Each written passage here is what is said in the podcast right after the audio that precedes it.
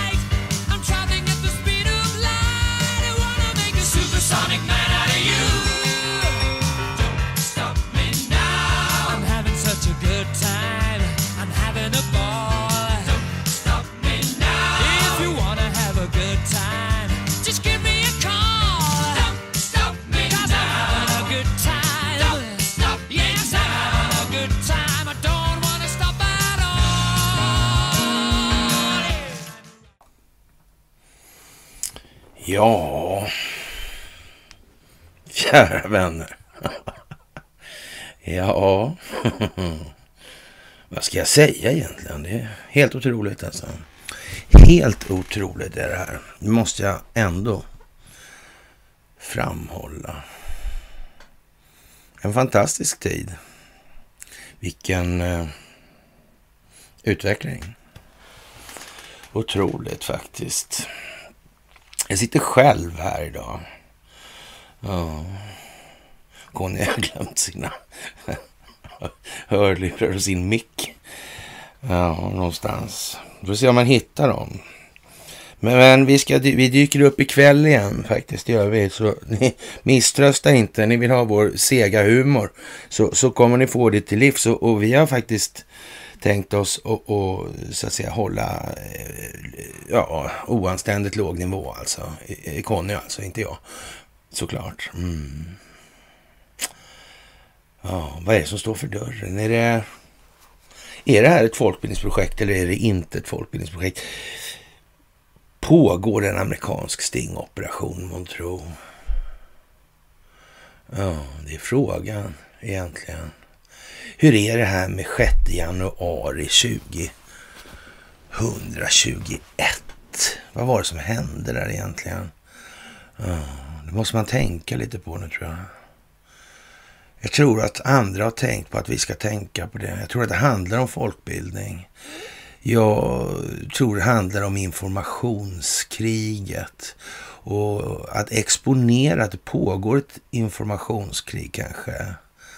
Eller kanske ett Eh, desinformationskrig också då. Samtidigt. Jag tror det handlar om valinblandning, precis som vi har sagt att det skulle komma till. Att det där kommer att slå in och noga räknat så har det just börjat bryta in på bred front och dessutom hög front alltså på den här vågen. Oj, oj, oj, oj, oj. Ericsson, har de med någonting att göra? Kanske. Det kan ha någonting med informationshantering att göra, det vet man inte. Och I så fall så har ju de informationskriget att göra på ett eller annat vis, på något sätt i alla fall kanske. Ja. Mm. Men samtidigt är det ju väldigt många som inte följer med riktigt än och tycker det är nesligt med jobbigt kanske jag ska säga.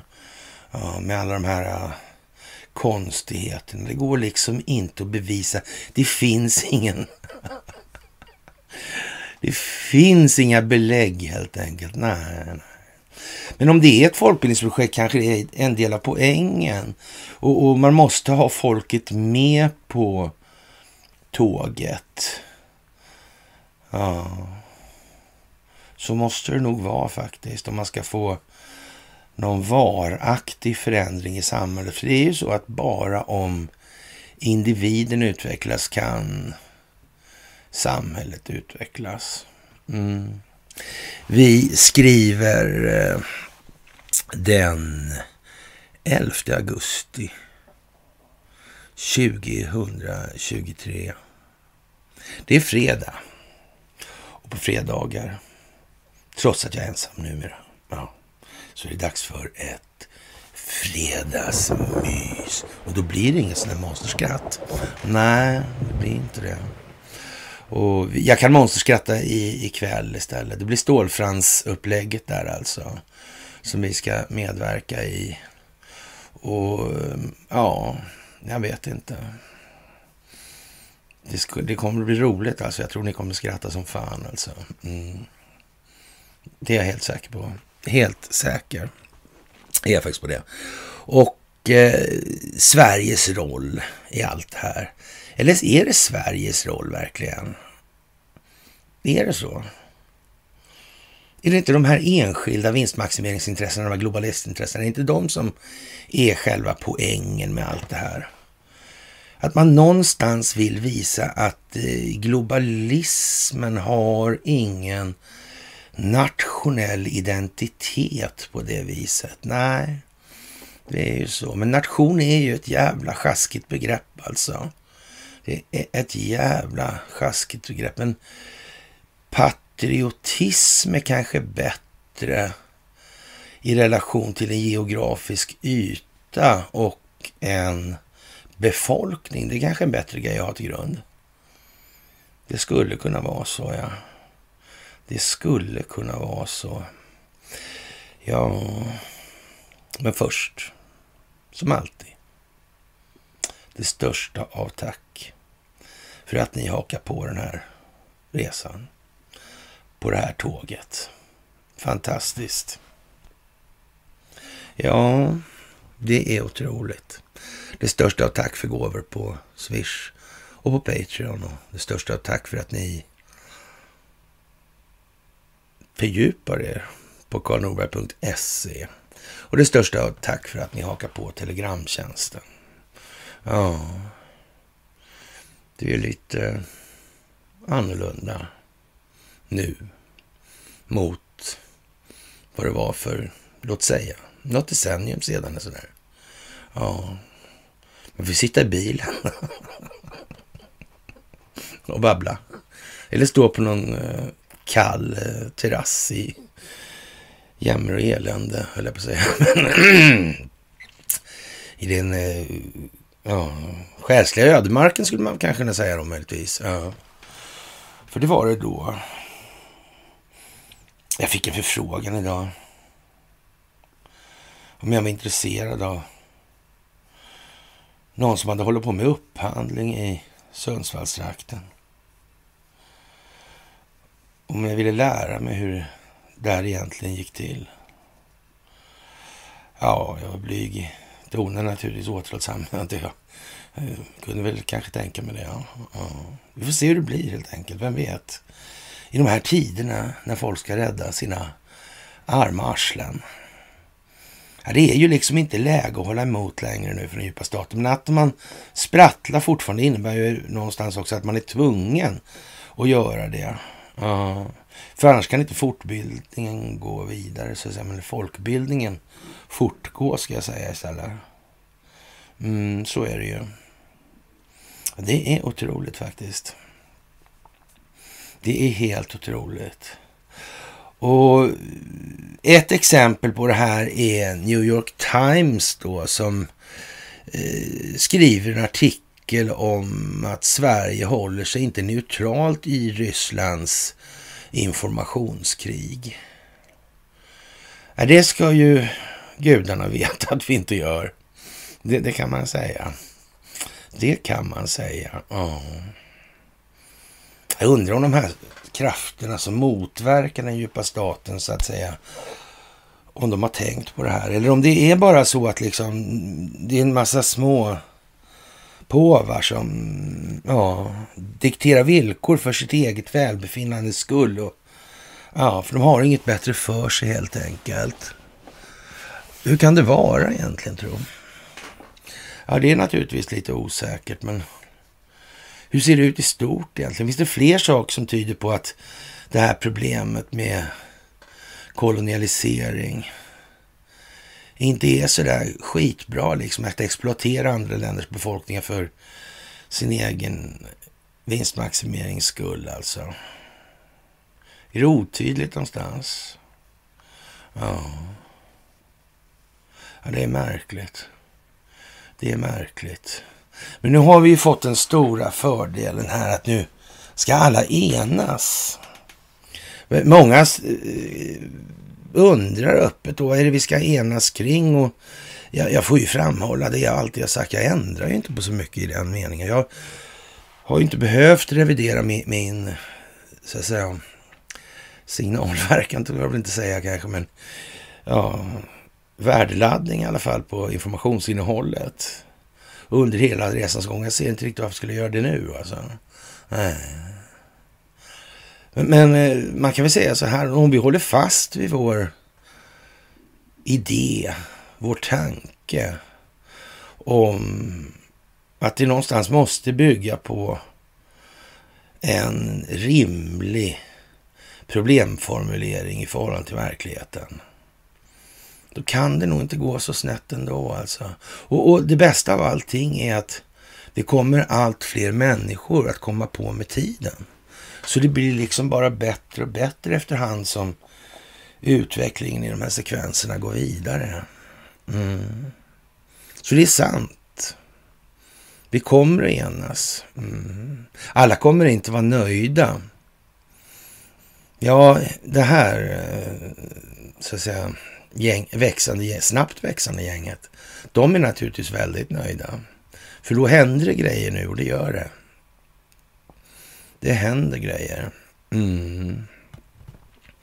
Ja, speciellt det där. Faktiskt. New York Times tar upp att Sverige har bemyndigat, bemyndigat en eh, statlig myndighet att öppet bekämpa desinformation på nätet som kommer från utländska motståndare och då särskilt Kreml alltså. Mm, de historiska uppläggen, det där med kalla kriget, vem som egentligen skapade och låg bakom, Sovjetstaten och låg bakom den ryska revolutionen. Det talar man ju inte så mycket om. Men hur var det med New York Times här nu? Var det inte någonting med Salzberger som ägde det där då? Har jag bestämt för mig alltså. Men jag, jag är osäker. Ja. Och, och vad hade inte de ihop det med någon som hette Bnai Britt va? Ja. B-R-I-T-H, andra ordet alltså. Det andra är BNAI alltså. Ja. Hade inte de en kampanj där under 30-talet? Har jag för mig. Jo, det hade de faktiskt. Vad var det för kampanj de hade då? No attack on Hitler. Mm. Det fanns ju folk som några oro att den här korta killen med mustaschen faktiskt satt i knät på, ja vad ska jag säga, noga räknat. Det är de där äh, globalistintressena ja, igen. Ja, det var ju konstigt. Men sen försvann de bara. Eller blev snälla, eller vad var det som hände? Mm, konstigt som fan det här. Hur som helst, New York Times då har naturligtvis blivit snälla och är duktiga med allting och sådär. Och inför en tsunami av desinformation om behandlingen av muslimer som under de senaste månaderna har underblåst protester från Stockholm till Bagdad beslutade Sveriges, Sverige att man behöver slå tillbaka. Alltså de vände sig då till Myndigheten för psykologiskt försvar, en del av det försvarsministerium som dess regering skapade förra året. Byrån har blivit den första försvarslinjen för ett land som står inför en ihållande informationsattack från utlandet. Mm. Ser man. Landets ledare, ledare lånar en gammal strategi från det kalla kriget för att stålsätta landets 10 miljoner människor för möjligheten till totalt krig med Sovjetunionen. Ja, hur var det med det här kalla kriget egentligen? Vem tjänade på det egentligen? De tjänade mer på det än på sin egen förbättrade affärsmoral. Vilka var det nu? Var inte den här amerikanske finansministern inblandad i det där på något vis? Sa inte han någonting att deras ord skulle man inte ta till nominellt värde, man skulle döma dem utifrån deras handlingar istället tror jag. Mm. Va? Har de finansierat Isis? Ja, just ja, det har de. Det är rätt, ja. Mm. Men det kan nästan ingen missa ju. Nej, det kan faktiskt ingen missa. Vad konstigt. Ja. Alltså, det är just det, de står ju under ja, amerikanska justitiedepartementet numera. Ja. Ja. Donald Trump, han sa någonting där 2016 vill jag minnas. Mm. Han sa ju det, ja. Konstigt alltså. Ja, väldigt, väldigt konstigt. Ja, dagens främsta hot alltså, även om det inte är det enda naturligtvis, då är Sovjetunionens efterträdarstart Ryssland, skriver New York Times. ja, ursäkta. Enligt myndighetens tjänstemän har Kreml riktat in sig på Sverige med en samlad online-kampanj på sociala medier och på andra håll för att misskreditera landet och undergräva dess försök att gå med i NATO-alliansen. Mm, ja, sådär. Och den som fortfarande inte har förstått vad det här är, är nu, så, så blir det bara bättre faktiskt. Efter att ha arbetat tyst bakom kulisserna har byrån nu uttryckligen anklagat Ryssland för att utnyttja de senaste protesterna från invandrare och andra i Sverige som har innefattat brännande av kopior av Koranen, en vanhelgande handling som är djupt kränkande för muslimer. Ja, de här muslimerna och den här eh, ja, muslimska extremismen, eller ska vi säga islamistisk extremism kanske? Eller islamisk extremism, ja. ja man får nog välja lite där faktiskt, om man, som lite som man vill kanske. För ovanligt skulle kan man nog göra det. Ja, för den här extremismen, den eh, dök upp på något konstigt vis, var det inte så? Jag tror det. Det var inte där efter runt första världskrigets slut ungefär. Så, så dök det där upp då nere i Mellanöstern. Och då vart det någonting med sunnisidan har jag för mig. Och, och sunnisekteristisk extremism, jag har för mig det, ja. Mm. Huset Wahab fick den religiösa tolkningen, eller tolkningsföreträdet på de religiösa skrifterna. Mm. Men uh, familjen Saud, de fick de heliga platserna. Mecka och Medina, ja. Mm. Sen blev det ett Saudi Eriksson, sen blev Saudi med Saudi Eriksson. Ja, då. Ja, det tror någon det. Mm. Tänk att de inte har kunnat avlyssna alla de här terroristerna. De har varit i 184 länder. Det är konstigt. Konstigt värre helt enkelt.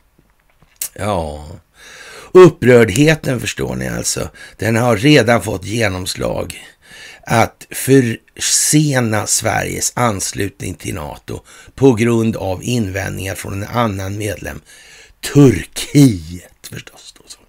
Vojne, vojne, vojne. Och, och, och, Turkiets president här, Recep Tayyip Erdogan, han finns på en bild har jag för mig, som ni kanske sett någon gång. Mm. Av en anledning dessutom. Han kom att ha lite med det här att göra. Han kom att hjälpa till att sprida ljuset från verkligheten på Sverige i allmänhet och kanske Eriksson i synnerhet. Mm. Tillsammans med Donald Trump. Tillsammans med Xi Jinping. Tillsammans med Vladimir Putin. Mm. Men det är väl märkligt ändå. Ja. ja. de har väl ingenting med Eriksson Jag har aldrig haft faktiskt. Nej. Faktiskt alltså. Det var på en nivå som vi aldrig har sett förut, förstår ni, säger Mikael Tovesson som är verksamhetschef på Myndigheten för psykologiskt försvar i en intervju och syftar specifikt på ryska försök att förstärka den globala reaktionen på nätet till en protest utanför Stockholms största moské den eh, 28 juni psykologiska försvarsbyrån då, eller Myndigheten för psykologiskt försvar då, kan bli en modell för hur demokratiska regeringar kan slå tillbaka mot liknande desinformationskampanjer. Ja, vad ska jag säga?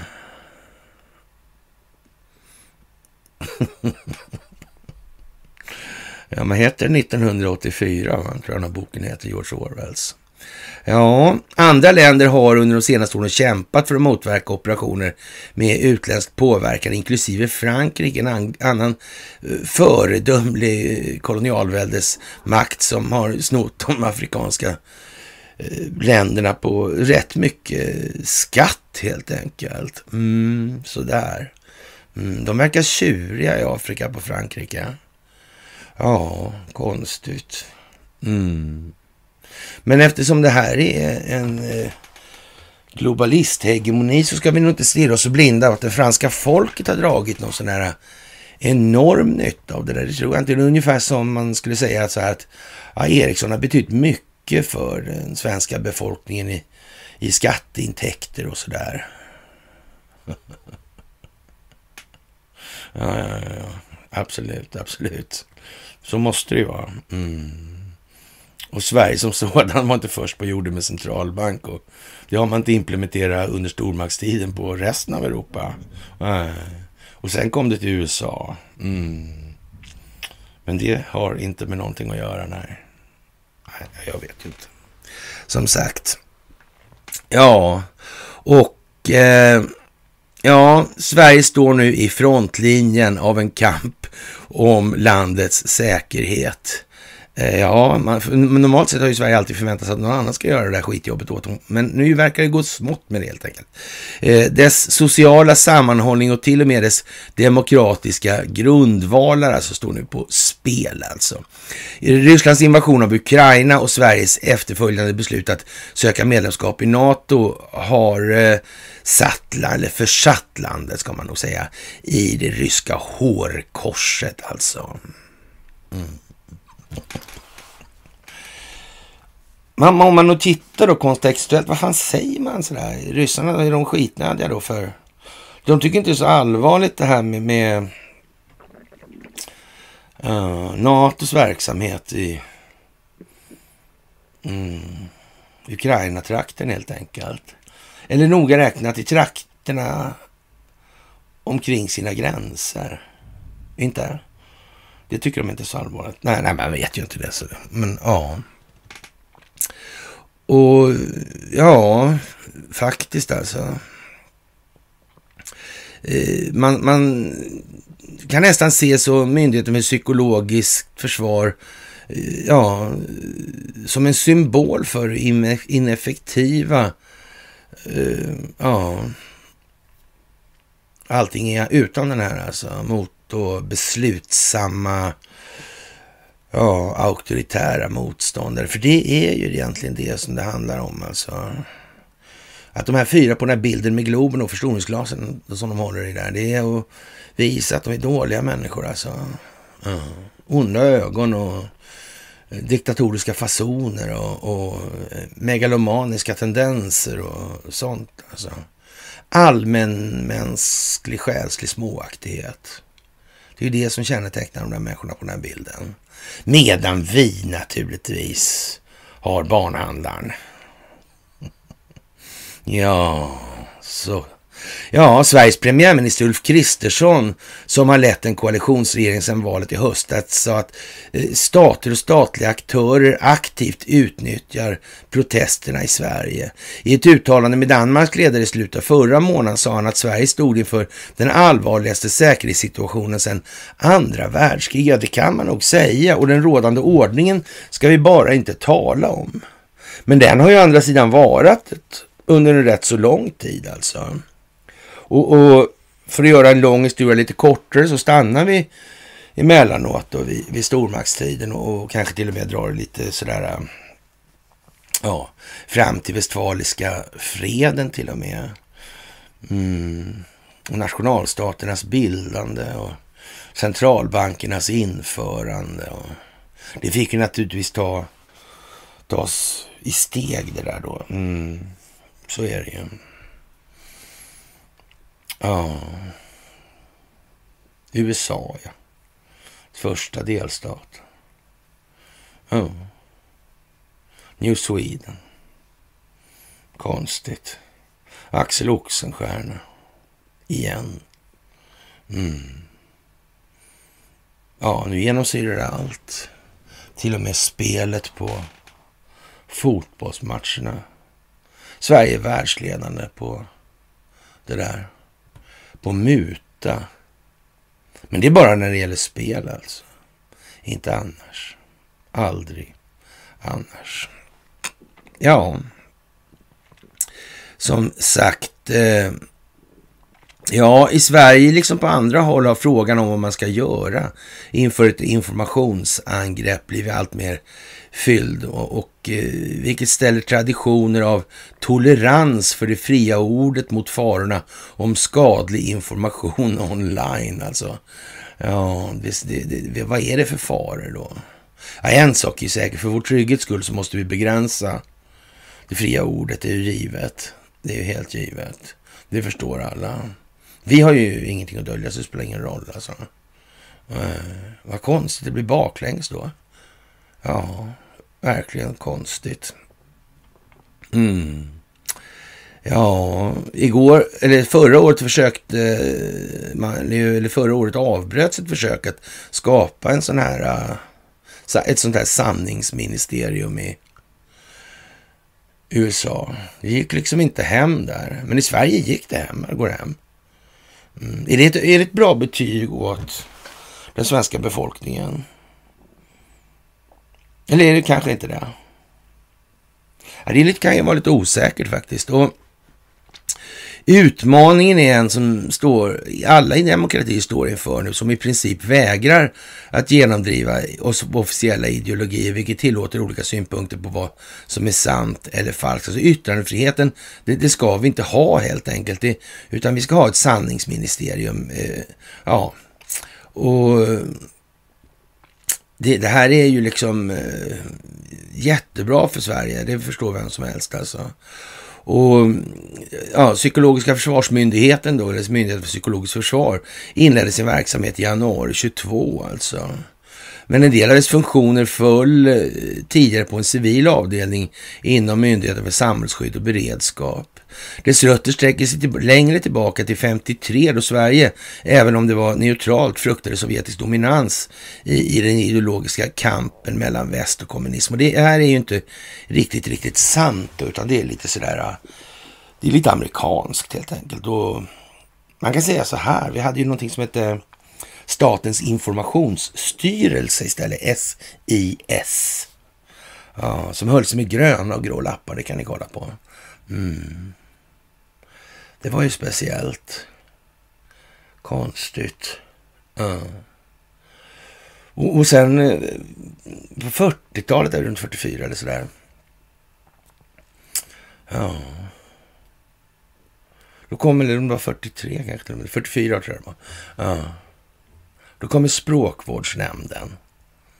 Mm, det som Velander blev så duktig på med kanslisvenska å ena sidan och riktig svenska å andra sidan. Mm. Och så är en säck på mitten som bubblar och pyser och ryker. Velander alltså. Mm. Så vi vet hur vi ska uttrycka oss. Det är lite samma sak nästan. Det verkar som att eh, man har snappat upp någonting, man har tänkt någonting. Kan det vara att ord styr tankar? Kan det vara det? Om man styr värdeladdningen så då blir snart en spade någonting annat än en spade. Ja, så kan det bli faktiskt. Så kan det bli, men, men det vet man ju inte. Nej. Ja, och det där är för jävla... Och, och Velander, ja. Införde inte han någon skolgrej där också? Jo, just det. Han införde tyska skolan i Stockholm nu, med Fyrered. Ja. Och han var ju på massa möten i Tyskland förresten. Nu när man tänker efter så var det ju... Just det, ja. Mm. Bagge och Holmberg. Ja. Ja, ja vårt svenska Lejon till får ondulerats. Ja, just det. Just det. Mm, skolan, har den med någonting att göra för att påverka? Jag vet inte. Ja. Varför skulle det hjälpa de här globalistintressena? De hade väl ingenting med det där att göra? Nej, det hade de ju inte. Inte alls. Kanske. Eller hade de det? Ja, ja, ja. Nej, men det är ju konstigt alltså. Ja, tjänstemän i Sverige, liksom på andra håll, har uttryckt oro över att propagandan har lyckats skapa förvirring och tvivel bland europeiska väljare, vilket undergrävt regeringens politik för att motverka Rysslands hänsynslösa aggression. Ja, man vet ju inte hur det kan vara bra alltså. När det kommer till informationskrig säger man från myndighetens sida, då senioranalytikern säger det, som genomför, eh, Per Norén heter han, som genomför utbildningar för eh, Myndigheten för psykologiskt försvar, är det hjärnan som är slagfältet. Ja, det gäller att påverka hjärnan. Tänkandet. Tänker man mycket bra sådär utan att ha ett enda ord? Man kan inte sätta ord på någonting. Man får tänka helt i bilder. Mm. Är det lätt att kommunicera det sen? I så fall, om man är i den sitsen. Det är jag inte säker på att det är, men det kanske är lätt, jag vet inte. Jag får prova lite mer helt enkelt. Ja, och eh, från myndighetens start stod Sverige inför intensiva eh, desinformationskampanjer. Och man kan väl säga att Stockholmsbyråkratin har visat i alla fall att den är ganska homogen alltså. Det är tjusigt värre när Säpo beställer utredningar av FOI, är det inte det? Och, och den här utredningen kallas för rutten demokrati. Jag vet ju inte om man hade kunnat göra det här mera optiskt smältbart. Det kan inte veta, jag inte säker på. Jag är inte säker på det, men det, det, ja. Det verkar precis som någon har hållit i regin här alltså. Dramaturgin är författad på sätt som, ja, det är konstigt helt enkelt. Ja, och eh, som sagt, eh, man började i slutet på, av 21 med inlägg på Twitter, YouTube och andra sociala medieplattformar som uttryckte ilska över den svåra situationen för en irakisk invandrare i Sverige vars barn togs bort från hans vårdnad och landets barnskyddstjänst. Man kan väl säga så här att den här eh, barntrafficking-historien.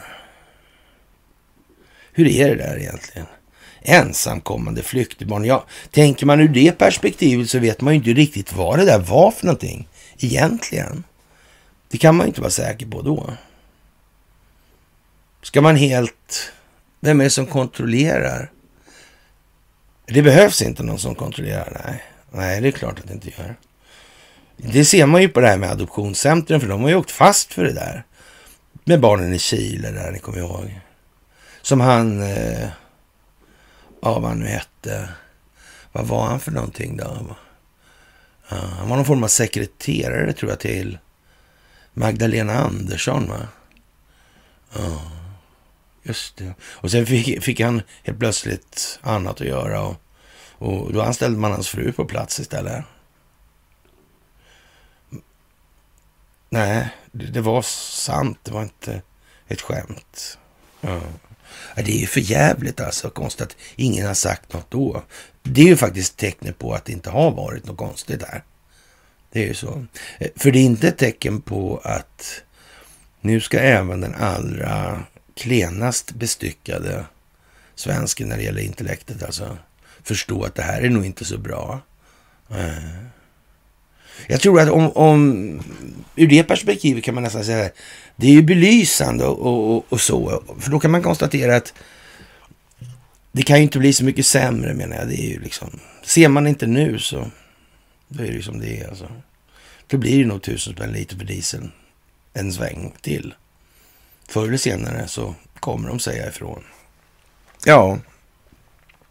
Och Ja, anklagelserna spred sig till falska anklagelser om Sverige kidnappar muslimska barn och tvingar dem att äta fläsk eller på annat sätt bryta mot islamiska traditioner som spreds på nätet i arabisktalande länder inklusive Egypten, Marocko, Libanon och Turkiet.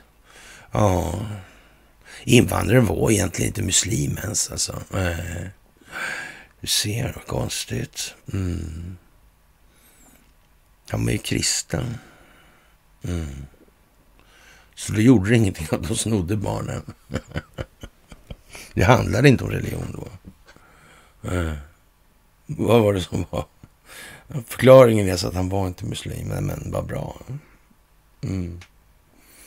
Som sagt, det här är ja, helt otroligt faktiskt. Och jag tror att eh,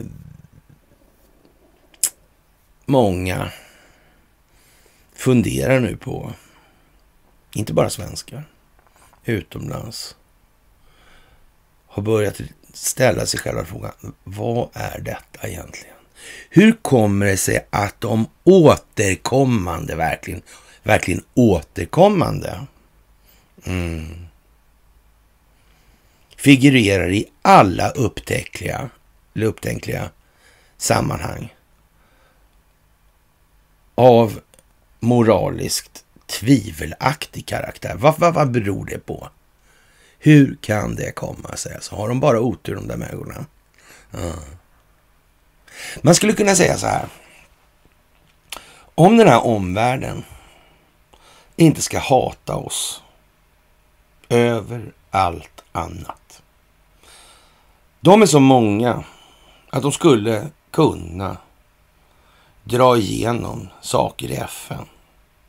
Som i, ja, nästan går ut på att jävlas med svenskar som tack för kaffet alltså. Ja. Nu tror jag inte de gör det, för de är inte som svenskar. Vi hade lätt gjort det naturligtvis. I alla fall den delen av befolkningen som inte behagar lyfta det intellektuella arslet ur soffan alltså. Eh. Det är ju deras fel allting. Mm. Aldrig vårt. Någonsin. Nej. Självkritik. Eller kanske kritisk självrannsakan. Inför den egna självbilden. Det där föraktet. Självföraktet. Mm. Skapar en vilja. Att trycka ner andra. Upplevelsen av den egna otillräckligheten skapar viljan till att trycka ner andra. Mm. Det börjar inte hos någon annan det här alltså. Nej, det börjar i oss själva. Så. Är det lyckat verkligen? Ja, det är jobbigt att tänka efter. Det gör ont. Ja, det gör ont, det gör ont, sjöng Lena Philipsson. Eller, det gör ont när knoppar brister, sa hon, Karin Boye. Mm. Ja, var det Runeberg va? Sven Duva. Mm. Kulan. Visst vad den tog. Mm. Någon form av eh, dumhet nästan alltså. Ja. I Norrland har vi ett Indien om vi blott förstå att utnyttja det. De är rätt förstå att utnyttja det till och med. Va? Mm. Det är kanske konstigt det där. Mm. De verkar på något vis ligga på samma bog allihop. Mm. Det är som en enslinje. Ja. Mm. Enas om kursen. Ja. De går åt ett håll, en riktning. En utvecklingsriktning. Mm. Det kan bara rulla lite lutar av natur. Mm. Ja, det är konstigt. Och det här är ju naturligtvis ett elände för Sverige. Vi ser nu ett fullskaligt krig i Europa, säger eh, Myndigheten för psykologiskt försvars generaldirektör Magnus Hjort. Eh, en före detta historiker som skrev en rapport som föreslår att en avdelning som ägnar sig åt psykologiskt försvar ska återupprättas. Alltså, och, och Sverige är inte neutralt i det här. Nej. Nej, vi ska ju ta en sida såklart. Om man inte tar en sida så då eh, blir det inga konflikter. Alla måste ju någon förr eller senare väljas. Och sen är, under lång tid har vi haft en förmån, noga räknat sedan 1815, då, att kunna sälja vapen på, till båda sidorna på konflikter och underblåsa konflikter hur mycket som helst och skapa en ökad efterfrågan. Det har vi ju gjort förtjänstfullt skulle man säga för en och samma globalistfamilj. Mm. Konstigt. Ja. Och jag vet inte mm, vad, vad, man egentligen eh, ska säga. Det är uppenbart att New York Times förstår problemet. Det gör de. Det är lika uppenbart att man översignalerar något så ända in i helvete nu alltså. Ja. Det bästa samhället, eller det bästa sättet att skydda ett samhälle mot desinformation, om du lever i ett demokratiskt samhälle, alltså, är att öka medvetenheten om hoten och dina egna sårbarheter bland befolkningen så att de fattar rätt beslut, säger Tovesson, chef för operation, eller operationella eller operativa avdelningen. Ja, och det är det svenska sättet. Mm. Ja, då är det frågan om alltså, om man ska ägna sig åt att konstruera hot eller inte.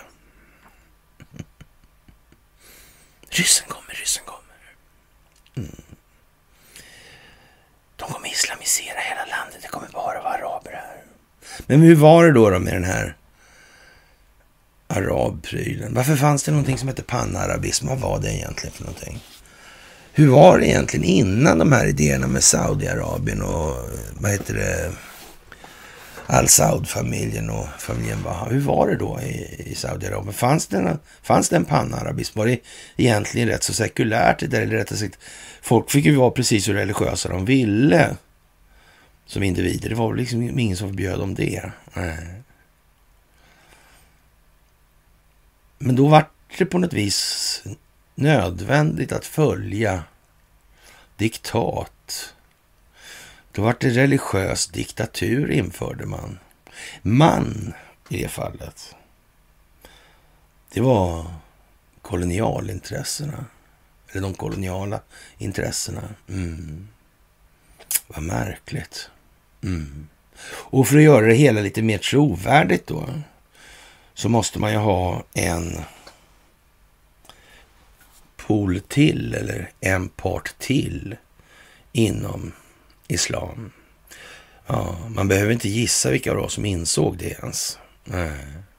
Vad stod det under skäggen på mullorna? Mm, just det. Made in London. Just det, ja. Samma London som Saudi.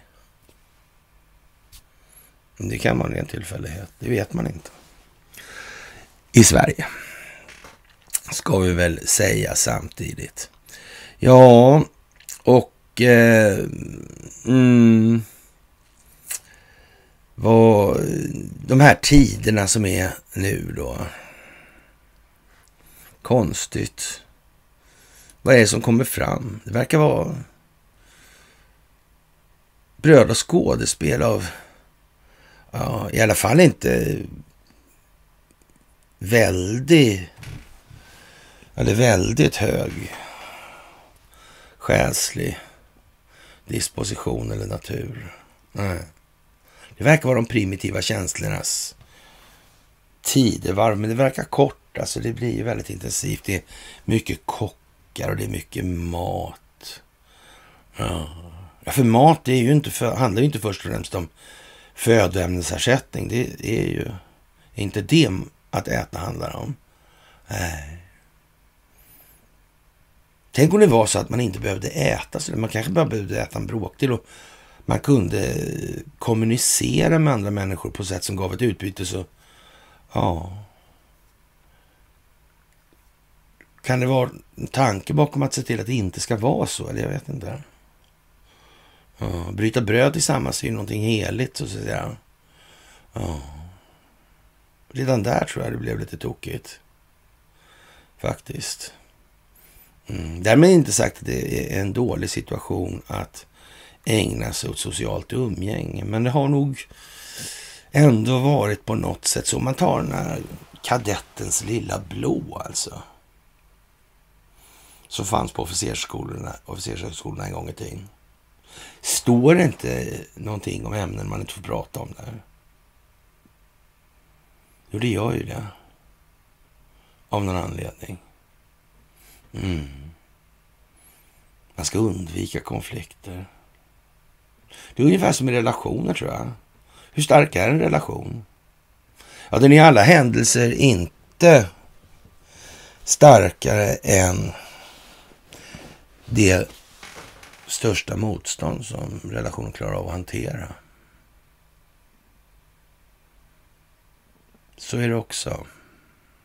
Det kan ju vara värt att tänka på mellan varven. För någon kan ju ha tänkt på det själv, menar jag. Ja. Och då blir det ju tokigt om man inte tänker på att någon annan kan ha tänkt det redan. Då är det ju lätt hänt att man blir lurad, menar jag. Faktiskt. Mm. Ja, ja. Ja, men så. ja.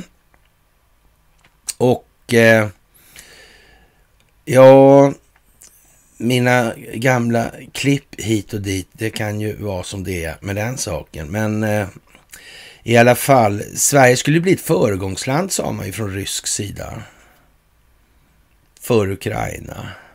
Och nu sitter det en ukrainsk, ukrainsk psykolog, Oleg Komjak, och förklarar ingående och seriöst eh, för tittare att Ukraina kan inte existera utan korruption. Mm. Ja, Ukraina har ju den rollen att det, det blir ju liksom något slags slagfält där nu och det har eh, satt igång, det har skapat ett momentum för Eh, en massa olika förvecklingar eller utvecklingar om man vill då. Ja, avvecklingar kanske också. Mm.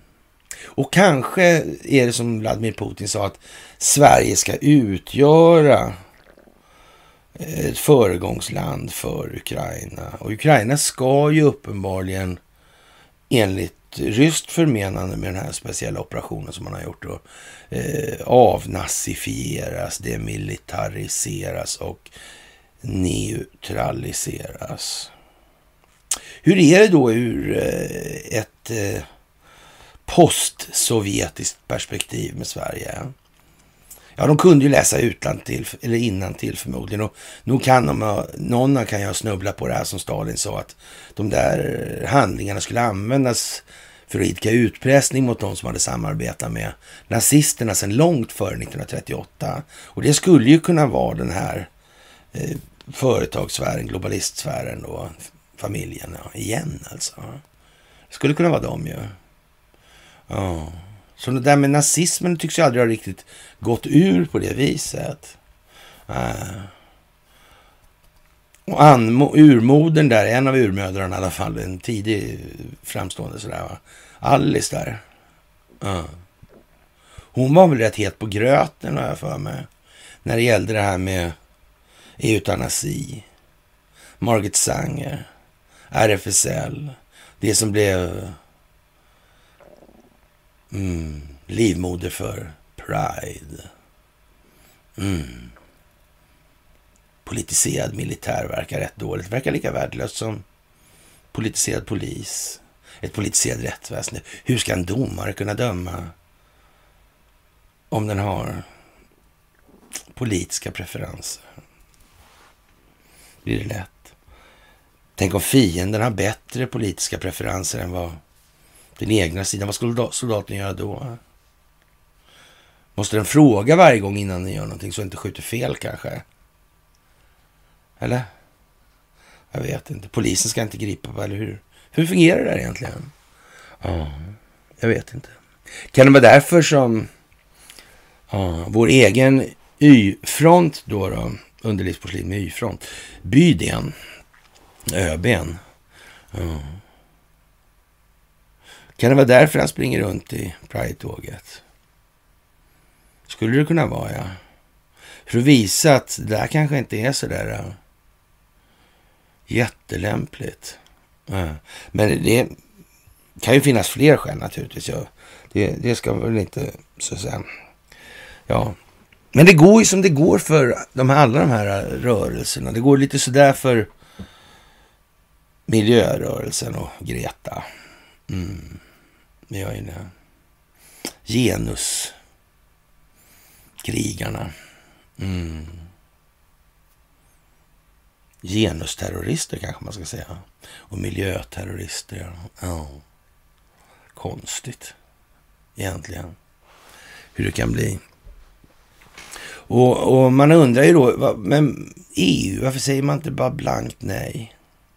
Vet man inte att det förekommer korruption i Ukraina? Ja, jag vet inte faktiskt. Mm. Det kanske är så att Sverige behöver neutraliseras. Kanske behöver avmilitariseras i någon omfattning i alla fall. Mm. Så kan det vara. Så kan det ju vara. Ja. Jag tror inte det är liksom... Ja. Behovet av den typen av stridskrafter vi håller oss med nu är är det verkligen anpassat för verkligheten? Är, är det seriösa grejer det där på det sättet? Kan man ha invändningar mot det där på en saklig grund kanske? Kan det vara så? Kan det vara på något annat sätt? Ja, man måste fundera på det där lite grann nu. Det här kommer upp alltså. Ja, äganderätten. Konstigt. Ska man betala proportionellt efter mängden mark man äger kanske till försvarsmaktskostnaderna. Tänk om det blir krig?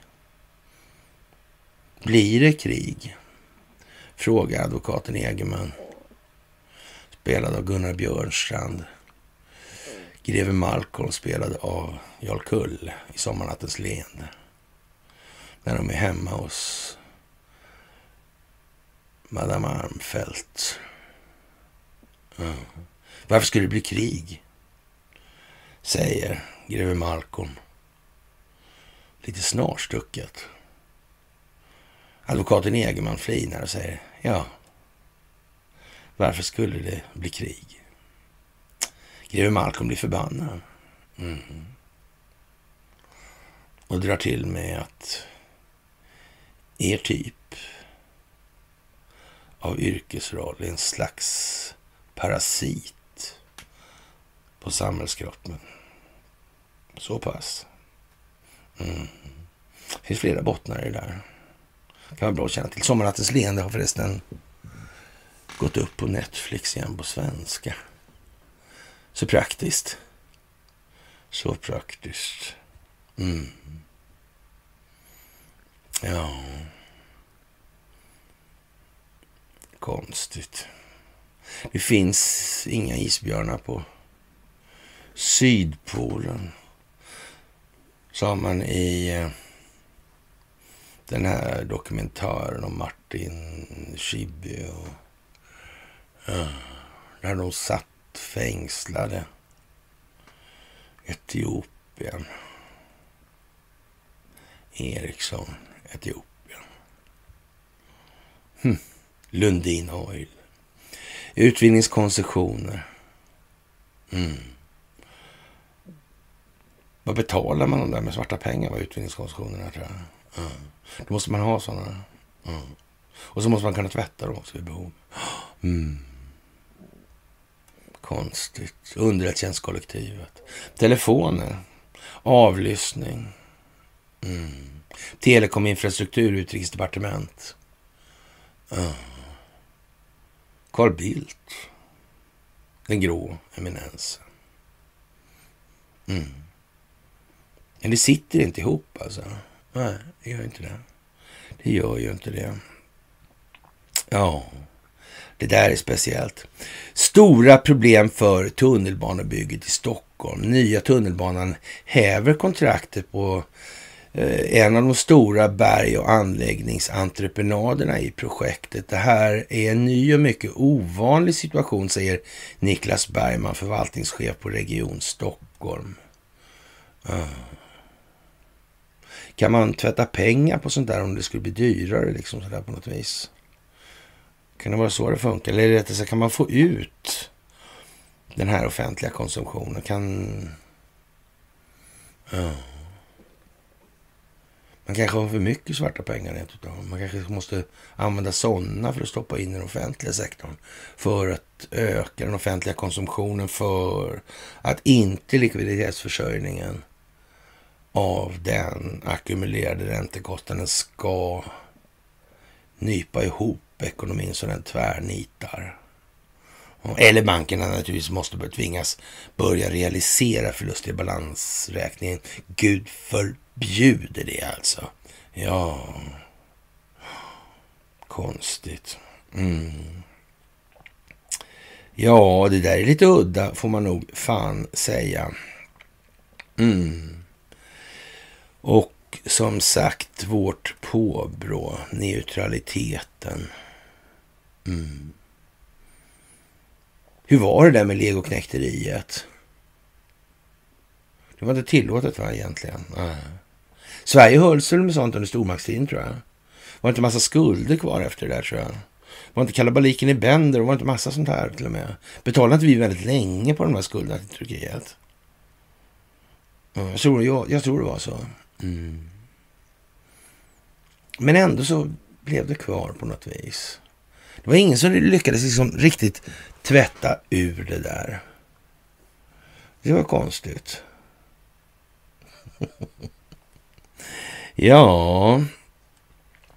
Och ja, i dagens läge så är det ju de här räkningarna för ja, energin, alltså kostnaderna.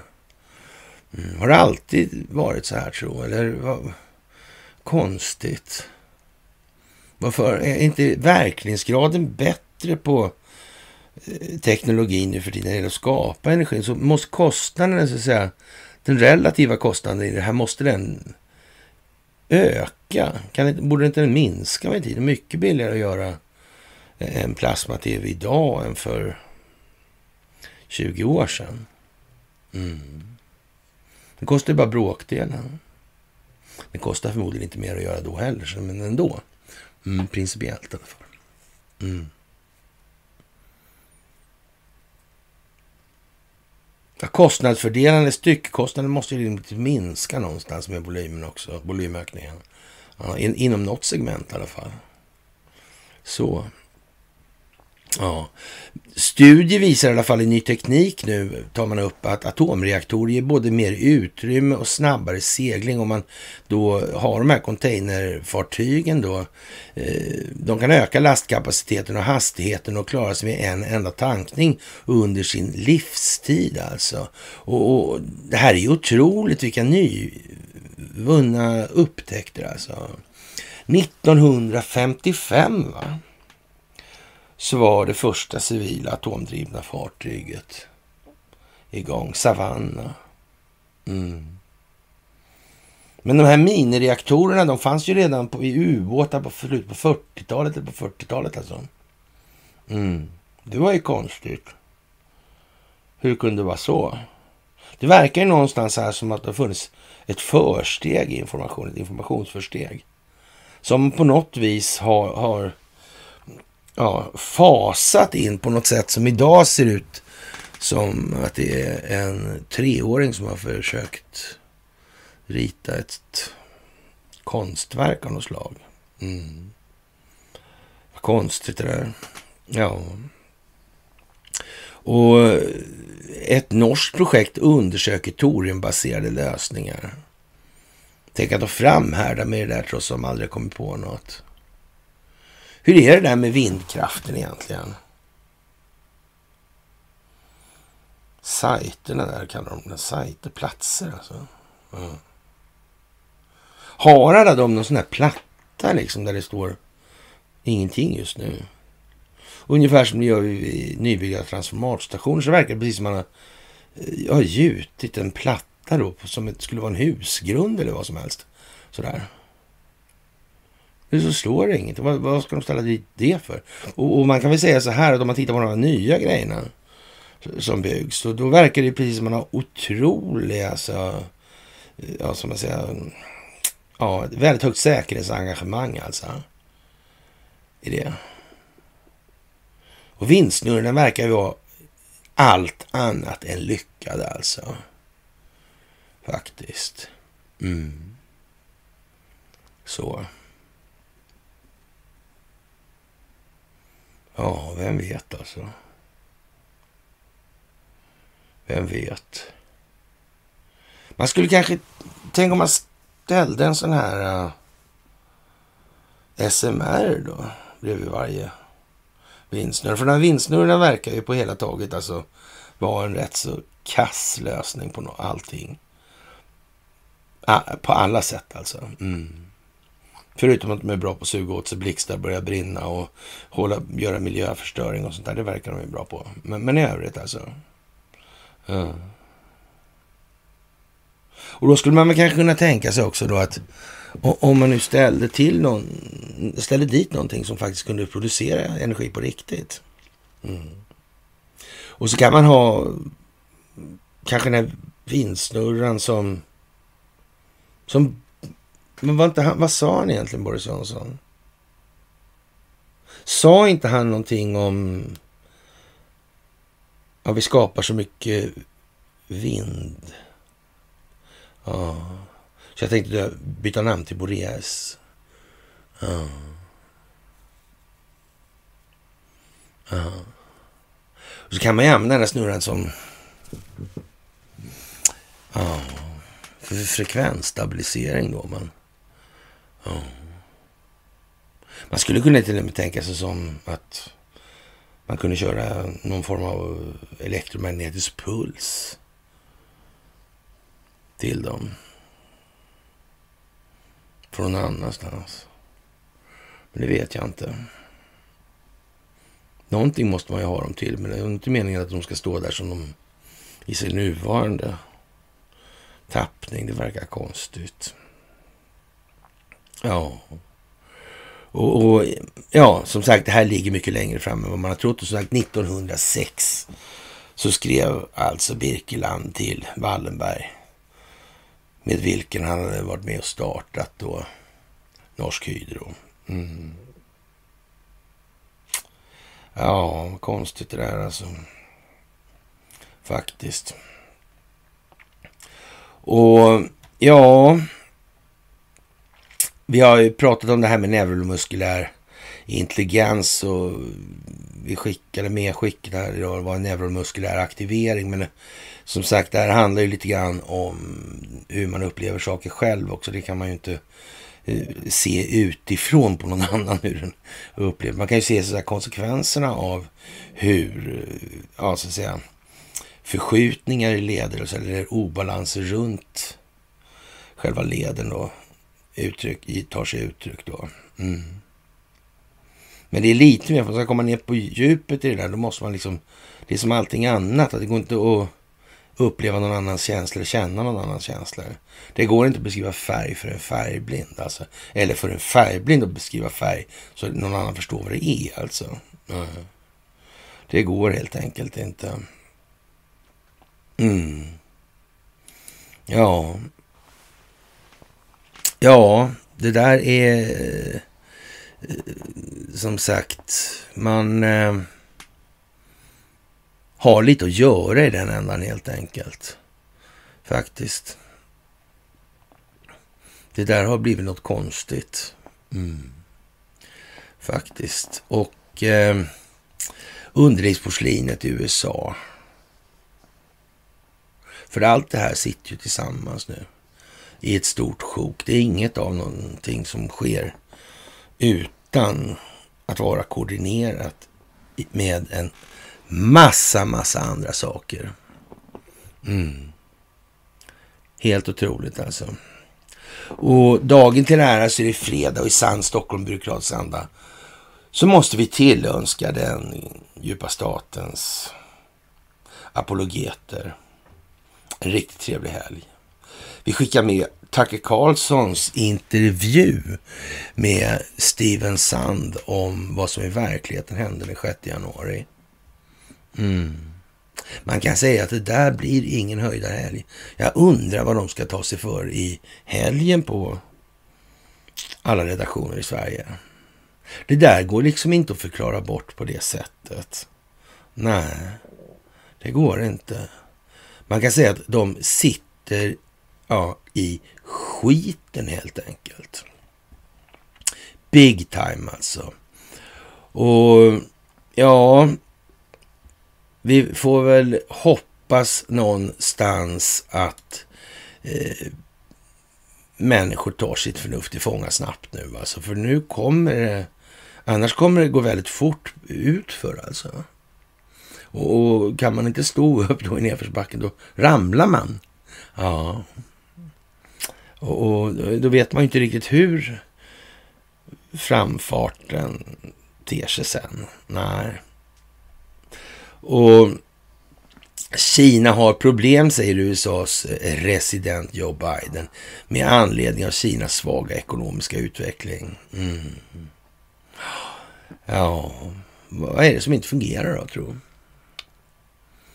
Mm. Den ekonomiska statistiken, är den alltid till? Tillräknelig? Eller är den aldrig tillräknelig kanske? Jag hörde att eh, Fed hade gett sig på att förklara det här med inflationen. Jag ska inte säga att jag hånskrattade elakt. För det tycker jag verkar förment. Mm. Men så mycket tycks i alla fall vara klart nu att, eh, och det här är amerikanska medier, att det här med inflationsbegreppet, det är något märkligt med det. Det tycks de ha kommit på. Ja. Och att eh, inflation alltså och prishöjning är två disparata grejer, alltså två olika saker. Det tycks också ha framgått i huvudet på många nu. Mm. Men om det är så och ja, och om man reser frågan, men varför blir det prishöjningar då? Hur kommer det sig egentligen? Mm. Vad, vad, vad, vad, är, hur ser mekanismen ut exakt? Hur ser den mekaniskt funktionsmässiga mekanismen ut när priserna ökar på grund av att mängden betalningsmedel, hur då liksom? Ja, det där kommer inte bli så lätt. Alltså, den som kan lösa det får naturligtvis Nobelpriset, så är det ju. Jättesäkert alltså. Ja. mm. Och vad ska vi säga? Ja, det här med ja, organhandel.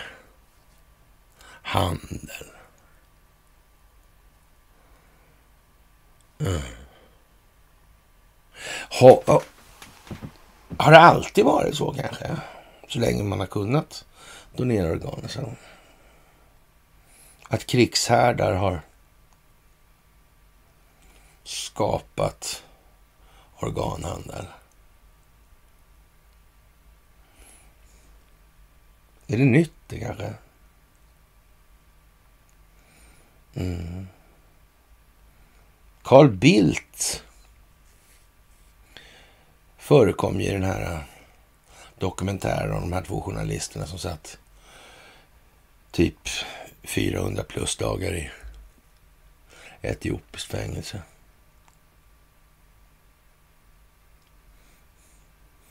Kände han någon som var fiffig med operationer? Fanns det inte någon läkare där? En militär läkare också? I de sammanhangen. Jag tror det gjorde det va? Var inte han den där militärläkaren, satt inte han i några sådana här bolag med utvinningsrättigheter? Som han, han var ju läkare så det är klart att han var jättebra på malmbrytning eller vad de höll på med. Mm. Ja, det vet man ju inte. Eller så gör man ju det. Mm. Kan det ha varit så att han, Bosse Rybeck satt i styrelsen för Mineralinvest? Kan ha varit så.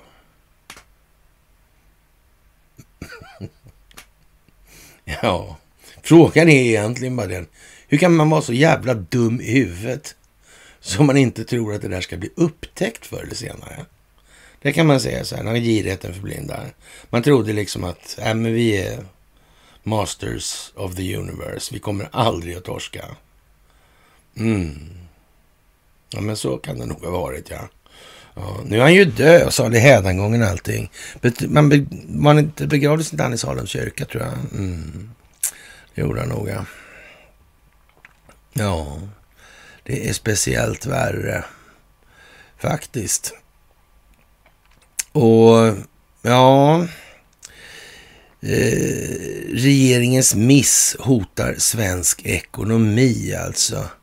Och ja, man vill, man vill skola om sig i Sverige och det är ju konstigt alltså. Mm. Ett självskadebeteende skriver Expressens ledarsida av regeringen att bara se på så länge som omställningsstödet används för att fylla luckorna i arbetsmarknaden. Ja, det är ju konstigt alltså. Verkar som att svenska inrikespolitiken lever något konstigt liv som, ja den har ju inte mycket med omvärlden att göra. Nej. Av någon anledning. Borde det inte vara tvärtom just nu? Vad, vad säger regeringen ens?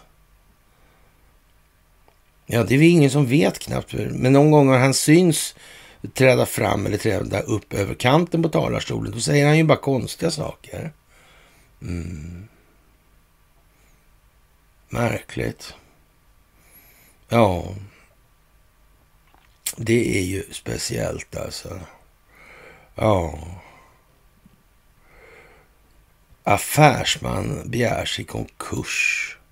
Han är skyldig staten 1,6 miljarder. Ja. Ja, det där är ju konstigt. Hur är det med statliga skulder sådär? Ja. Fem år, va? Mm. Så är det. Fem år är det. Men är man skyldig banken pengar, hur lång tid tar det? Ja. En evighet. Mm. Det är ju speciellt alltså. Ja. Ja, och Högsta förvaltningsdomstolen. Eh, ja de här frågorna överlag alltså. Om man, om man eh, tänker så här att om den här eh, förvaltningsassistansen träder in i den mån den inte är redan på plats alltså. Så hur ska, de, hur, ska man, hur ska de förhålla sig till den här typen av, eh, ja vad ska man säga, tvivelaktiga minst sagt lagar. Hur ska de förhålla sig till det? Mm. Det statliga är inte så mycket att säga, för de går bort efter fem år. Det är inte så märkvärdigt. Eh. Men det där privata för alltid. Kanske ska de återinföra gäldstugorna. Kanske häxbränningen också. Det var ju 1800-talsfenomen i Härnösand där. Ja. ja, jag vet inte exakt. Vi får väl se. Och eh, ja, den svenska brottsutredningen eh, ja, mot Ericssons misstänkta mutaffärer i Kina och Vietnam lades ner. Och nu utreds misstankarna av länderna själva och, och svenska myndigheter hjälper till med att samla bevis. Bland, bland annat beslagtogs USB-minnen från Ericsson för drygt en månad sedan. Men, men tänk om det är så här att det är inte bara när det gäller det amerikanska valet som man har samlat in bevisningen på valfusk via delar av NSA och Space Force. Tänk om de har samlat, in andra grejer också. Kan det vara så att man har tänkt på det? När man ändå håller på med det. Man, för han Donald Trump, som ändå får anses vara någon form av eh, frontfigur i det här kriget mot den djupa staten.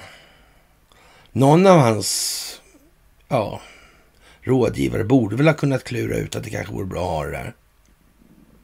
Mm. Och, och, någon av hans rådgivare måste också ha kunnat klurat ut att vi kan nog inte dra det vid, eh, uh, i Haag och sådana där grejer. Nej, det verkar inte så bra. Nej. nej. I alla fall inte i det här skedet. Nej. Det måste finnas någon annan typ av rättslig grund. Kanske de här länderna själva. Kan det vara något? Det skulle kunna vara något. Mm.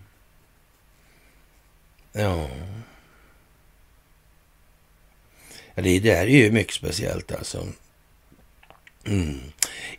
Misstänkta mutor utreds, utreds igen, alltså USB-minnen beslagtagna. Det är ju konstigt, vill inte släppa det där riktigt. Det handlar på något vis om det, Robert O'Brien, så det handlar om det svenska rättssystemet. Ja, det är ju det. Och där ingår ju då åklageriet, ja. Ja, hur blir det med det där liksom? Det verkar jätteknöligt. Ja. Mm. Konstigt alltså. Jaha. Och eh, som sagt, en bild på en 470 jolle som planar. La jag upp. Jag har faktiskt eh, tävlat med sån där under några säsonger. Jätteroligt. Sådär. Det blir liksom där, lite ungdomlig av mig, tänkte jag. Ja. Och äh, speciellt i alla fall. Och eh, tänk att det amerikanska valet nu slår in för att vara lite seglingstravesterande då. då. Och man kan väl säga att vi slår in genom vindökat just nu, alltså det är det som händer. Och i Sverige då, och ingen kunde ju se det här komma. Det är ju ingen som har sagt att det här skulle bli så här, att amerikanska valet skulle komma här nu och, och så skulle momentumet sättas ifrån Ukraina. Det har ingen sagt en enda gång på de här mysen alltså, av de som har suttit här. Allra minst jag alltså. Mm, det är otroligt konstigt alltså. Ja. En kommentar här som jag har fått idag. Finns det någon likhet mellan det stora landet i väst och vårt fosterland alltså? Ja, jag bägge länderna har korkade ledare. Ja, så kan man faktiskt säga. Men, eh, men det är inte säkert att befolkningen är så där våldsamt mycket bättre. För då hade vi inte kunnat ha så där korkade ledare. Nej, det är ju så. Man, man ska nog inte gnälla för mycket på kungen av dårar. Det är nog värre med de som tycker att det är en bra idé att ha honom där alltså. Ja.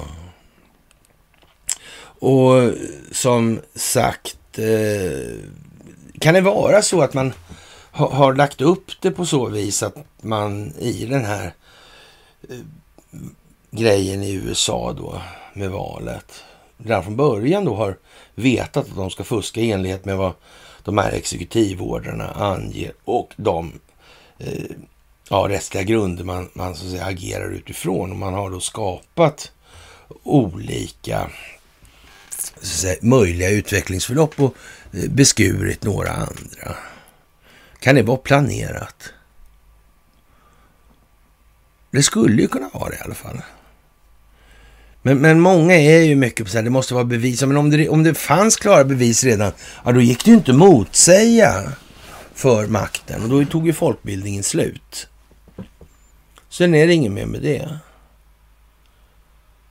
Det är ungefär som de här... Äh, man åtalar Donald Trump för sjunde gången nu liksom. Ja, nu skiter folk i det. Det spelar väl ingen roll liksom. En igen, då händer ju aldrig något. De torskar ju inte. Nej, det gör den inte. Det gör den inte. Men mark my words to the letter. Det kommer någonting sen. Och det här senet, det befinner vi oss i nu. Och de här tio dygnen som började i uh, förrgår då. Mm. Det kommer att hända grejer. Det sägs ju att det finns en bra skock med människor inlåsta. Mm. På tjänstemannanivån. Mm. Och det här med att göra sig av med de här operativa krafterna, det är ju sådana tider nu här. Mm. Lite Nessum Dorma. Lite Vincher och... Ja. Det är sån tid nu. Det är sån fredag. Ja. Och tänk om den här raderade datan då. Som man som av en händelse har gjorts av med från myndigheternas sida. Tänk om den ändå finns bevarad. Tänk om man visste att de skulle göra ett försök att göra det. Eller kanske för alla eventualiteters skull lät dem göra det. Mm. Men såg till att. Mm. Det verkar ju inte sällan vara på det viset att när spåren ska sopas igen av någonting som inte haft en tillräckligt djup planeringshorisont. Då verkar det oftast bli problem. Alltså. Det här draget blev ogenomtänkt. Det verkar vara så alltså. Mm. Konstigt, det är svårt att förstå för många.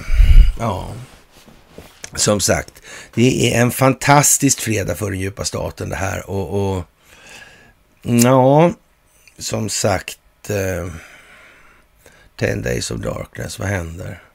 Det sägs att man väntar då på USA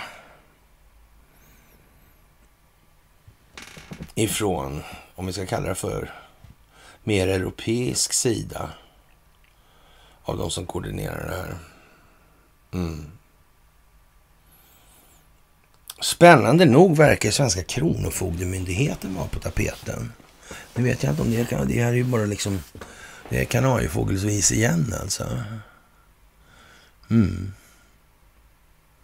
Men den är ingen blå alltså. Nej, den är gul. Mm. Ja. Och ja, Donald Trump han börjar anföra att eh, Joe Biden han är liksom inte riktigt eh, intellektuellt tillräknelig. Och, och, det kanske flaggar lite grann för att han kommer att få känna av Demokraternas missnöje. Det är till och med demokrater som tänker hoppa av eller ställa upp som politiska vildar. Mm. Kanske de här politiska partierna har gjort sitt. De här Rhinos då. Det verkar vara en bra skock alltså. Mm. Det verkar det vara. Kanske det var nödvändigt att exponera dem också eftersom de var ju trots allt korrumperade. Mm. Ja, det vet man ju inte. Det vet man ju aldrig liksom. Och ja, USA står inför en mental katastrof som leder landet till pandemonium alltså. Enligt Donald Trumps förmenande nu. Mm. Och kan det vara riggat tro? Hunter. Ändå alltså. Med facit i hand. Så här. Ja, lite på fredagen. Jag vet inte. Mm. Ja, mycket, mycket märkligt. Och, och det här med att få Porschar och, och diamanter och så vidare. För att folk ska få kommunicera med den amerikanska vicepresidenten. Det, är liksom... Det känns inte helt comme il faut, alltså borde inte vara det i alla fall. Eh, för svenskar borde det naturligtvis, det hade de bara chansen att göra det rakt av allihopa. Ja, faktiskt alltså. Det är ju lite udda, får man säga. Arbetsförmedlare kan ha mutats i Sverige, det kan jag inte tänka mig alltså. Nej. Jag tror inte de satte det här i system redan på 1990-talet i Sverige. Mm. Jag tror inte man kunde muta folk på Arbetsförmedlingen då. Jag tror inte det var... Ja, det var som det var helt enkelt. Mm. Speciellt. Mycket speciellt. Mm. Ja...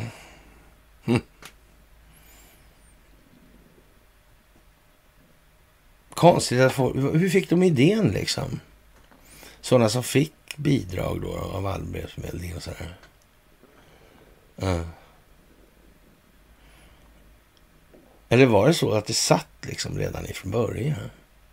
Arbetsförmedlaren som godkände de här bidragsanställningarna fick naturligtvis en kickback av den som fick bidragen. Mm. Undrar hur många sådana skojarbetsplatser det har funnits i det här landet. Mm. Tänka sig så det kan bli. Tänka sig, tänka sig, tänka sig. Det är ju fantastiskt alltså. Ja. Och eh, eh, ABB faller efter rapportmiss från tysk konkurrens, eller konkurrent. Ja, det där är ju jättekonstigt alltså. Eh, ja, dominoeffekt har Leonard skrivit. Ja, det är nog bättre än så skulle jag vilja påstå. Ja. Eh, mm. Det har han lagt till här nu efteråt också. Notering. ABB förvärvar den 11 augusti eh, 2022 Siemens verksamhet inom NEMA lågspänningsmotorer. Man kan säga så här att om man kollar på Siemens i Finspång så är det helt säkert att det har hetat ABB innan och håller på med turbiner. Mm. Det är också helt säkert att de har mutat sig in i Iran. Helt jävla säkert är det. Mm. Och om vi ska uttrycka det som så, den eh, en gång i tiden varandes försäljningschefen där. Han har väl suttit i polisförhör för det här tror jag. Ja, och den är väl nedlagd verkligen nu då? Inte nej. nej. Konstigt. Det var ju märkligt. Mm. Jag känner honom. Faktiskt. Mm. Det är konstigt. Det är lite fantastiskt faktiskt. Det här. Intressant skulle man kunna säga. Ja, och det här med att eh, införa sanktioner i händelse av utländsk inblandning i ett val i USA, alltså utländsk valpåverkan. Ja, det där är, är speciellt faktiskt. Mm. Vad händer om man gjort det där via internet? Ja. Hur, vad händer med eh, gärningsmannen? Om man tar till exempel då, hur, hur blir det här egentligen? Om Ericsson gör en sån här grej, lägger sig i val och såna här grejer. Det skulle de aldrig göra, men om de nu gjorde det hypotetiskt. Och, och sen har man då en sån här funktion som Exportkreditnämnden då. Som garanterar affärerna som Ericsson gör i det här landet. Genom att kliva in då med finansiering för, till Ericsson. Då, så får, mm, Exportkreditnämnden. Man är liksom en brygg, i bryggfinansiering alltså. Mm. Men hur går den här med, med bryggfinansiering när man gör såna här grejer och, och, och de bedriver sån verksamhet. Vad ställer det liksom landet Sverige? Är det så att landet Sverige inte har en aning om vad den politiska ledningen i landet, de har inte en susning om någonting. Och hur vet man att de inte har det liksom? Hur kan man veta det? Det är ju jättesvårt att tro att Carl Bildt inte vet någonting om någonting. Någonsin ens. Aldrig. Det är ju svårt att tro det. Mm. Så vad ställer det liksom det politiska etablissemanget här? Är det tillsammans med globalistföretagen eller är det tillsammans med den svenska befolkningen? Som ju sig kanske är rätt oskyldig till de här grejerna. Mm. Måste man inte klara ut de grejerna? Kanske någon redan har tänkt på det? Tror ni det? Ska vi slut, utesluta att det är så? Jag vet inte. Vi får, nog, vi får avvakta och se helt enkelt. Och, och, och tänka efter hur hade vi gjort själva om vi hade haft de resurserna och möjligheterna. Jag tror det är bra att göra så på det sättet ganska ofta faktiskt. Vad är rimligt egentligen? Rimlighetsantagande. Ja, jag tror att det är bra att hålla sig med sånt alltså. Det tror jag. Ja. Mycket speciellt. Och som sagt, eh, neuromuskulär intelligens har vi eh, talat om igår då, ett tredje avsnitt. Nu blir det, nästa vecka blir det egentligen bara mys på eh, måndagen tror jag. Så sen tror jag det liksom, ja, jag är tvungen, antingen jag vill eller inte, att göra lite andra saker. Som jag hoppas ju att jag är tillbaka måndagen efter, men det vet jag inte riktigt. Det får vi se. Sådär. Men det, då, då kommer jag meddela vad som händer i alla fall. Sådär. Och, och, ja. och så vidare i de här grejerna. Mm. Men eh, jag tror slutet på nästa vecka blir extremt händelserik om jag uttrycker mig snällt. Alltså återhållsamt ska jag säga. Faktiskt. Och eh, vi har ju eh, sådana här eh, rätt så dramatiska övningar som förestår nu militärt alltså. Den här lilla flottövningen som bedrivs nu och sen håller ryssarna på med lite eh, liknande. Och sen ska vi visst öva då med kärnvapen. Inte vi kanske, men ja, jag vet inte. Men, men eh, sen var det ju det där då liksom att det verkar på något vis som att till exempel ända bort i New York Times upplaga flaggar liksom för ja, att det kommer att öka. Och man pratar ju om ett scare event. Och i amerikanska sammanhang pratar man om ett scare event över öppet hav alltså. Mm. Och så har vi de där böckerna. Garbo-böckerna, Operation Garbo. Och sen har vi Corner då och hans små romaner i det här ämnet. Mm. Ja, det är märkligt alltså. Hur det tycks liksom konvergera. Och, och som sagt, den skandinaviska scenen är ju på intet sätt utagerad med avseende på New York Times insats nu när man flaggar upp för det här. Mm. Kanske vi äntligen. Nu har vi ändå väntat på den här eh, ryska invasionen. Rysshärjningarna var ju, liksom, eller ryssbränningarna. Eh, ja, det var, det var ju en sak, alltså på 1700-talet där. Mm. Men... Eh, hm. Ja, ja.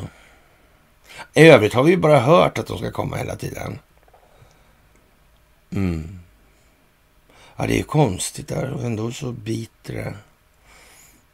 Mm. Konstigt, konstigt, konstigt. Eller inte så konstigt alls. Och eh, en ny låt har eh, sett dagens ljus.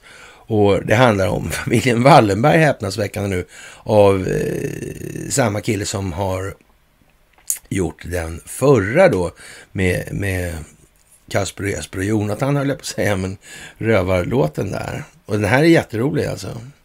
Det, återigen alltså, fantastiskt alltså. Jättekul. Det måste jag faktiskt säga att jag tycker det är ja, klatschigt. Bra. Sådär.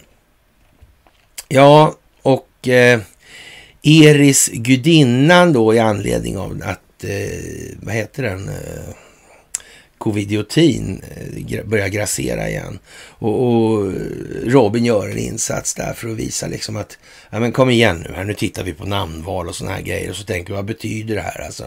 Vad innebär det här inom grekisk mytologi till exempel och så vidare. Och, och, så kan man titta på, det är ju väldigt, väldigt svårt att tro att ingen har tänkt på det bara. Man väljer ett namn godtyckligt och så vidare. Och om det inte kan vara godtyckligt, varför väljer man det där namnet då på det viset? Mm. Är det för att skapa förtroende för det här som man presenterar sen, den informationen? För det kan ju inte rimligtvis bli fråga om. Nej. Ja, hur kan det här egentligen vara?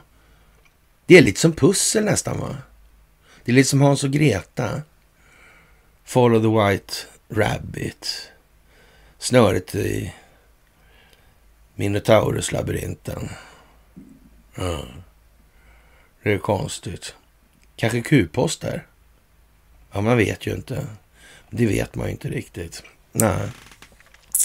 Ja, som sagt, det är speciellt. Och nu formas breda parlamentariska kommittéer som ska utreda vårdens huvudmannaskap. Och hittills har man alltså Irene Svenonius, med, med make då också antar jag, eh, brukar hänga med där liksom. Sådär. Och Anders V Jonsson och Eh, Fredrik Lund alltså. Ja, konstigt det här alltså.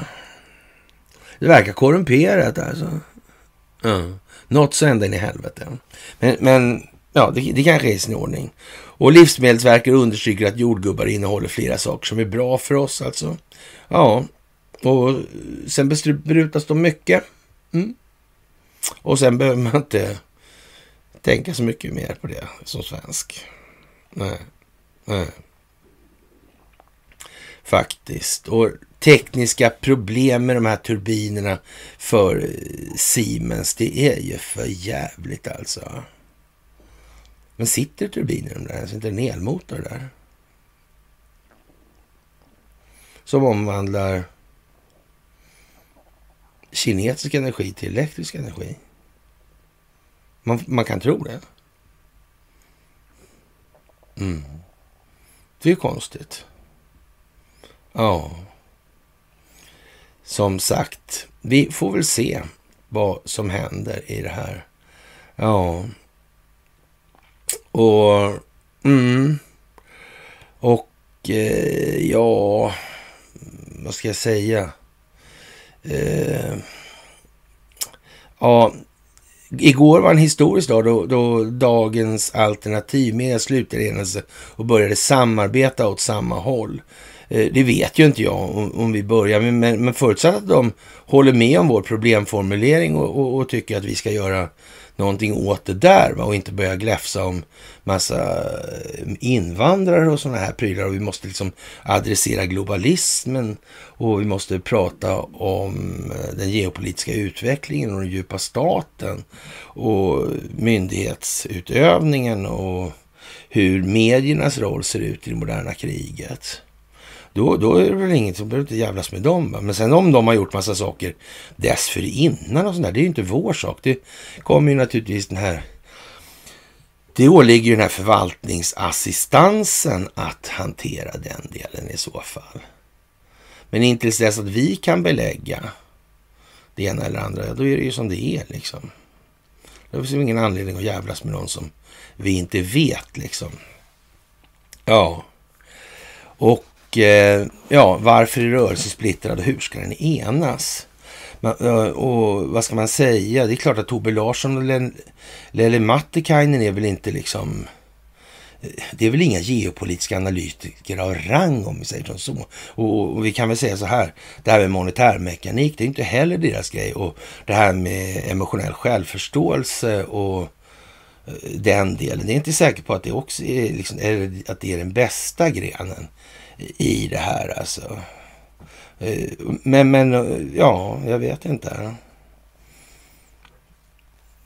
det, det, är klart att det finns ju som anstrykningar som gör att man, man liksom undrar egentligen hur det ställt sig. Men det får man ju lämna lite därhän än så länge. Alltså. Sen med det sagt så finns det ingen anledning att hålla tillbaka på kritiken mot om man nu känner att man vill köra kritiken mot de här då på det viset. Men i det här läget bedömer inte jag att det är riktigt läge liksom att eh, Ja, jag tror att vi är i ett sånt skede vi måste någonstans här också. Liksom. En del saker kommer få anstå helt enkelt. Ja, jag tror det här är så stort så att det blir nog nödvändigt. Mm, så är det. Ja, det där är lite udda tror jag. Mm. Och... Eh, mm polariseringen inom alternativrörelsen. Jag vet inte om... Det är väl det att vi får inte, behöver inte driva på, driva på polariseringen. Vi måste ha en, eh, så att säga, en eh, konvergens mot en problemformulering värd namnet. Det är väl liksom själva poängen i det där skulle jag säga. Faktiskt. Ja. Det, det tror jag är, det räcker så liksom. Ja, kära vänner, det är ju liksom eh, fredag helt enkelt och det här är samma sak om igen. Ännu mer tydligt, mer förstärkning, mer påtagligt, mer fantastiskt. Ni är fantastiska i det här. Och eh, Ja, det blir ju inte lättare för underlivsporslinet när bank eller kontoutdragen dyker upp. Det är svårt att neka till i det här.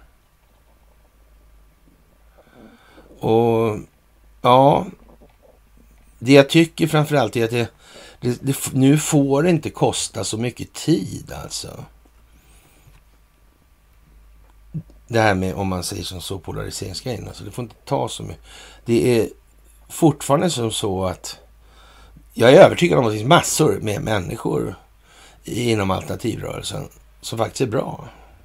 Precis som det gör inom statsförvaltningen, fast de har inte fattat någonting alltså. Ja.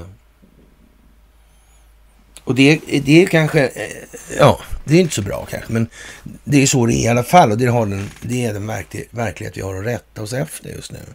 Och, och, och vackert så liksom. Det är bara att köra på det. Bita ihop liksom.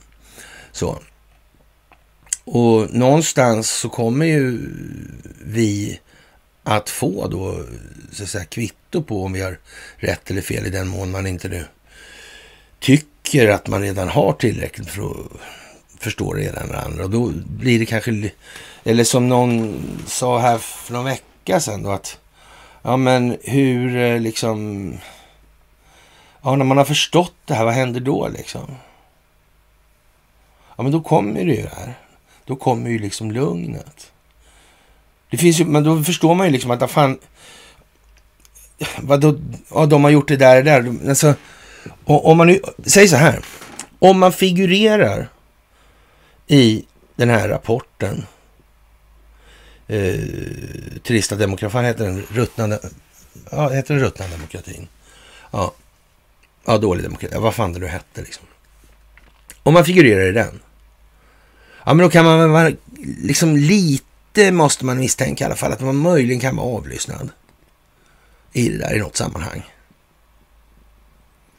Det, det kan man ju faktiskt misstänka. Mm.